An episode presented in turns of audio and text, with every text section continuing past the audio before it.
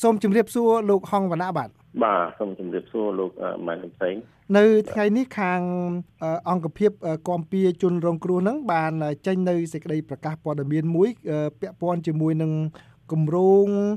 សំណងដែលអាចនឹងមានសម្រាប់សំណុំរឿងលេខ002វគ្គ2គឺមានចំនួនដែលថាដល់ទៅ23គម្រោងឯណោះលោកអាចបញ្ជាក់បានទេថាតើគម្រោងហ្នឹងតើមានគោលបំណងយ៉ាងណាខ្លះដែរបាទសូមជឿ បាទក្នុងគោលបំណងនៃសំណងក្នុងស្លាកដីផ្នែកហមនេះគឺយើងសូមបញ្ជាក់ច្បាស់ថាអឺសំណងនេះគឺមានលក្ខណៈជាសមូហភាពហើយនឹងផ្លូវចិត្តគោលបំណងនៃការធ្វើសំណងនេះឡើងគឺដើម្បីអឺលើកស្ទួយនៅអឺ ភាពថ្លៃថ្នូរដែលបានបាត់បង់ក្នុងសម័យខ្មែរក្រហមបាទឲ្យត្រឡប់មកវិញហើយនឹងធ្វើឲ្យការមានការចងចាំជាសាធារណៈនិងសម្រាប់ការអប់រំមនុស្សចំនួនក្រោយបាទនេះជាគោលបំណងធំអឺហើយស្លាកដីខ្មែរក្រហមសំណងដែលតទៅនឹងស្លាកដីខ្មែរក្រហមនេះមិនមានសំណងបែបជាឯកជនទេបាទ បាទឃើញ23គម្រោងហ្នឹងតើធ្វើយ៉ាងម៉េចបានជាចេញមកលេខ23អញ្ចឹងហើយតើសំណងទាំង23ហ្នឹងគឺមានដូចថាប្រភេទណាខ្លះដែរបាទបាទអឺក្នុងសំណងទាំង23នេះគឺមានចែកចេញជាទំនុកចែកចេញជា2ធំធំសិនគឺទី1គឺគម្រោងទាំងអស់នេះគឺមាន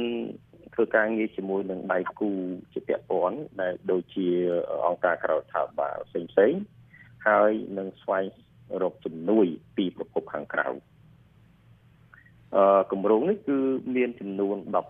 18ហើយចំណែកគម្រោង5ដែលឡាយផ្សេងទៀតគឺជាការដាក់ស្នើសុំទៅរដ្ឋាភិបាលហើយក្នុងសំណងគម្រោងស្នើសុំសំណងទាំងអស់នេះ គឺបែងចែកជា3ប្រភេទធំធំ ទី1គឺការស្ដារនីតិសម្បទា ទី2គឺការអប់រំទី3គឺការចងចាំបាទបាទតកតងជាមួយនឹងការដូចថាស្ដារនីតិសម្បទាចងចាំឬក៏ការអប់រំហ្នឹងលោកអាចជូនជាឧទាហរណ៍មួយបានទេថាតើស្ដារនីតិសម្បទាហ្នឹងធ្វើយ៉ាងម៉េចឲ្យអប់រំនឹងយ៉ាងម៉េចចងចាំហ្នឹងទៅលើចំណុចកន្លែងណាខ្លះដែរបាទបាទការស្ដារនីតិសម្បទានេះគឺថាទី1គឺយើងចង់ឲ្យបញ្ហាផ្លូវកាយផ្លូវចិត្ត ឲ្យជាសក្ដោយខ្ញុំឧទាហរណ៍ដូចជាគម្រោងមួយ ដែលនិយាយអំពីការព្យាបាលផ្លូវចិត្តឬក៏ផ្នែកចិត្តសាស្ត្រដល់ជនរងគ្រោះនេះគឺជាពាក់ព័ន្ធជាមួយនឹងការស្ដារនីតិសម្បទាអឺគម្រោងដែលពាក់ព័ន្ធជាមួយនឹងការអប់រំឧទាហរណ៍ដូចជាគម្រោងមួយដែលមានចំណងជើងថាជាការអប់រំសាធារណៈនិងការតាំងពិព័រណ៍អចិន្ត្រៃយ៍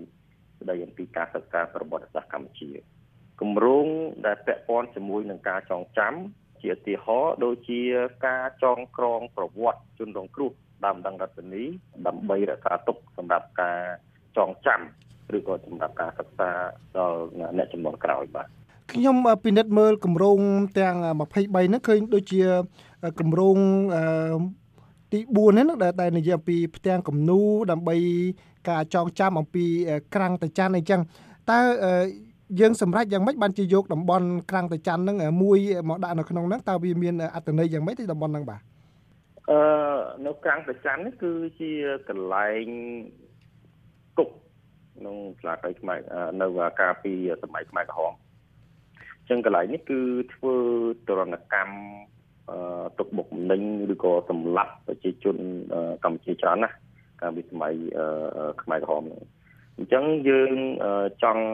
ទីមួយចង់រក្សាកន្លែងហ្នឹងទុកផងហើយនឹងចង់ដូរកន្លែងហ្នឹងឲ្យคล้ายទៅជាកន្លែងមួយសម្រាប់ជាប្រយោជន៍ដល់ការសិក្សានៅអ្នកជំនាន់ក្រោយអញ្ចឹងយើងចង់បានជាកន្លែងដែលដូរពីកន្លែងដែលអំពើហិង្សាទៅជាកន្លែងសន្តិភាពការពិភាក្សានិងសម្រាប់ការទេសចរទៅថ្ងៃក្រោយផង បាទដោយគម្រោងមួយទៀតគឺគម្រោងលេខ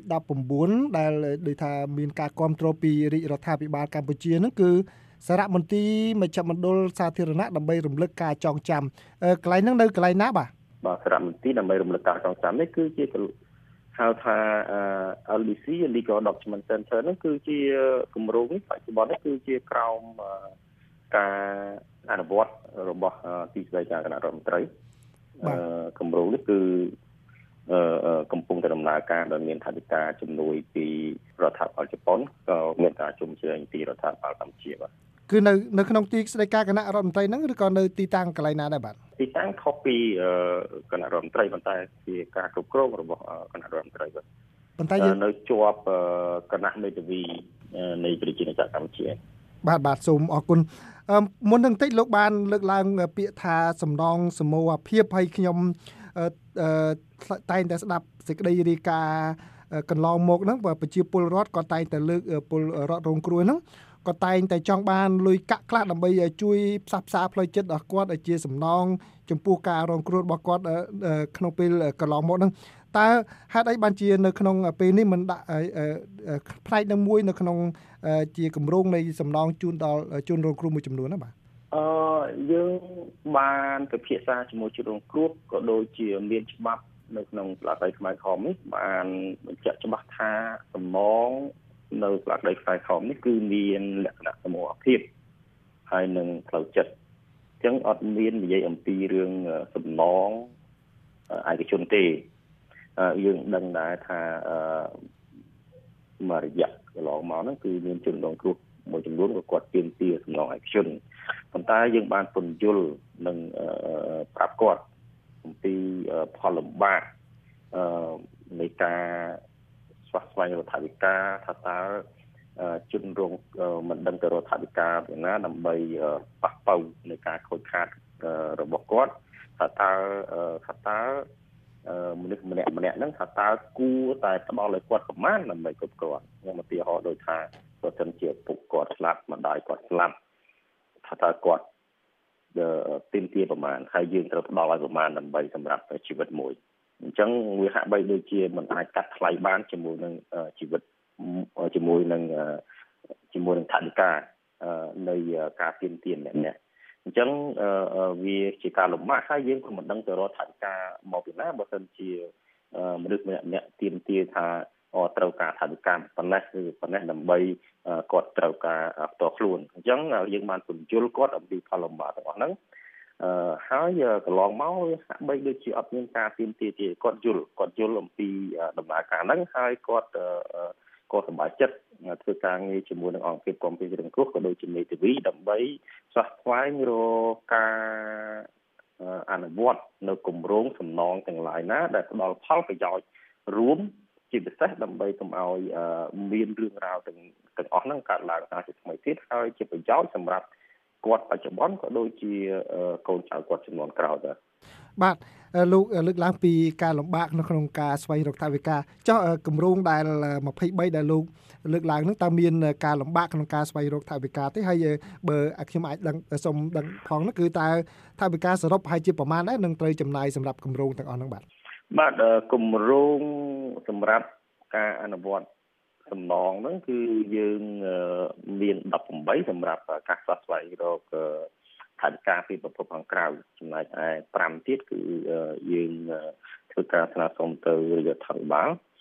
សម្រាប់គម្រោង18ដែលសាស្ត្ររដ្ឋាភិបាលពិភពខាងក្រៅហ្នឹងគឺយើងតម្រូវការប្រហែលជា5លានដើម្បីអនុវត្តគម្រោងឲ្យបានពេញលេញប៉ុន្តែបច្ចុប្បន្ននេះគឺយើងបានប្រហែលជា1លានកន្លះហើយដើម្បីប្រមូលថវិកាដើម្បីអនុវត្តគម្រោងនេះចម្រើនបដាហើយ យើងធ្វើការអំពាវនាវបន្ថែមទៀតដើម្បីឲ្យម្ចាស់ជំនួយទាំងជាតិអន្តរជាតិមានការគាំពៀបន្ថែមទៀតដើម្បីអនុវត្តគម្រោងនេះបានពេញលេញបាទគម្រោងទាំងអស់ហ្នឹងតើអនុវត្តនៅប្រមាណខេត្តក្រុងដែរបាទគម្រោងទាំងអស់នេះគឺអនុវត្តទូទាំងប្រទេសបងអឺដោយសារតែគម្រោងទាំងអស់នេះមិនមែនអនុវត្តដោយស្លាកដីខ្មែរក្រហមតែម្នាក់ឯងទេគឺយើងបានប្រម៉ែប្រមូលដៃគូ ពាក់ព័ន្ធទាំងអស់ជាពិសេសអង្គការក្រៅរដ្ឋាភិបាលគឺគាត់អនុវត្តទៅតាមតំបន់ដែលគាត់ជ្រើសរើសជាជាស្របទៅគឺគាត់ពួកអង្គការទាំងអស់ច្រើនមិនមែនជាអង្គការតែមួយទេហើយគាត់បានអនុវត្តនៅកន្លែងណាដែលគាត់យល់ថាសមស្របហើយជាជាសរុបទៅគឺមានកន្លែងច្រើនទូទាំងប្រទេសកម្ពុជាបាទបាទសូមអរគុណលោកច្រើនដែលបានផ្ដល់ព័ត៌មានថ្មីថ្មីតាក់ទងជាមួយនឹងសំណុំរឿង002វគ្គ2នេះ តើចុះខ្ញុំនៅចាំបានថាកាលពីសំណុំរឿង002វគ្គ1នេះក៏មានន័យថាសំណងគម្រោងសំណងចំនួនជាង10ដែរឬប្រហែល11អញ្ចឹងបើតាមខ្ញុំចាំតើការអនុវត្តគម្រោងសំណងទាំងអស់នោះបានចប់សពគ្រប់ហើយហើយឬនៅបាទបាទពាក់ព័ន្ធជាមួយនឹងសំណុំរឿងលេខ002វគ្គ1កាលនោះគឺយើងមានគម្រោងសំណងចំនួន11ដែលសម្រាប់ បានឬក៏ទទួលស្គាល់ដោយឆ្លាតដីខ្មែរដោយចៅក្រមនៃឆ្លាតដីខ្មែរក្រមអឺគម្រោង11នេះគឺយើងបានអនុវត្តចប់សពគ្រប់ហើយលើកលែងតែគម្រោងមួយទេដែលមិនទាន់អនុវត្តដោយសារមានបញ្ហាថវិកានោះគឺគម្រោងការសាងសង់ពុជនីយដ្ឋានរំលឹកនៃការជំនះប្រជាជនចេញអំពីទីក្រុងភ្នំពេញ គម្រោងមួយហ្នឹងមិនទាន់បានអនុវត្តឡើយគម្រោងហ្នឹងគឺយើងអនុវត្តជាមួយនឹង Sera project បាទបាទអញ្ចឹងនៅគម្រោងទាំង23នេះនឹងចាប់ផ្ដើមអនុវត្តនៅពេលណាដែរហើយតើសាលក្រមលេខ002វគ្គ2ហ្នឹងលោករំពឹងថានឹងចេញនៅឆ្នាំណាដែរបាទសម្រាប់គម្រោង23គឺមានគម្រោងខ្លះ ដោយគាត់បានរៀងគេថវិកាបានចឹងគាត់បានអនុវត្តបដាបដាហើយបានអនុវត្តបដាបដាហើយហើយមានគម្រោងខ្លះក៏អនុវត្តស្ទើរតែចប់ទៅហើយបាទហើយសម្រាប់ការក្រមនៃសំណុំរឿង002វគ្គ2នេះខ្ញុំថាលោកម៉ាច់កំសីអាចនឹងសួរ ទៅអ្នកនាំពាក្យនៃស្លាកដីផ្លែក្រហមគាត់អាចจะដឹងព័ត៌មានប្រសាខ្ញុំខ្ញុំណាបាទបាទបាទសូមអរគុណលោកហងវណ្ណៈដែលជាប្រធានអង្គភិបគាំពៀជនរងគ្រោះនៃសាលាក្តីខ្មែរក្រហមច្រើនដែលឆ្លៀតពេលនេះផ្ដល់បទសម្ភាសន៍ដល់ VOA សូមជម្រាបលាលោកបាទបាទសូមជម្រាបលាបាទ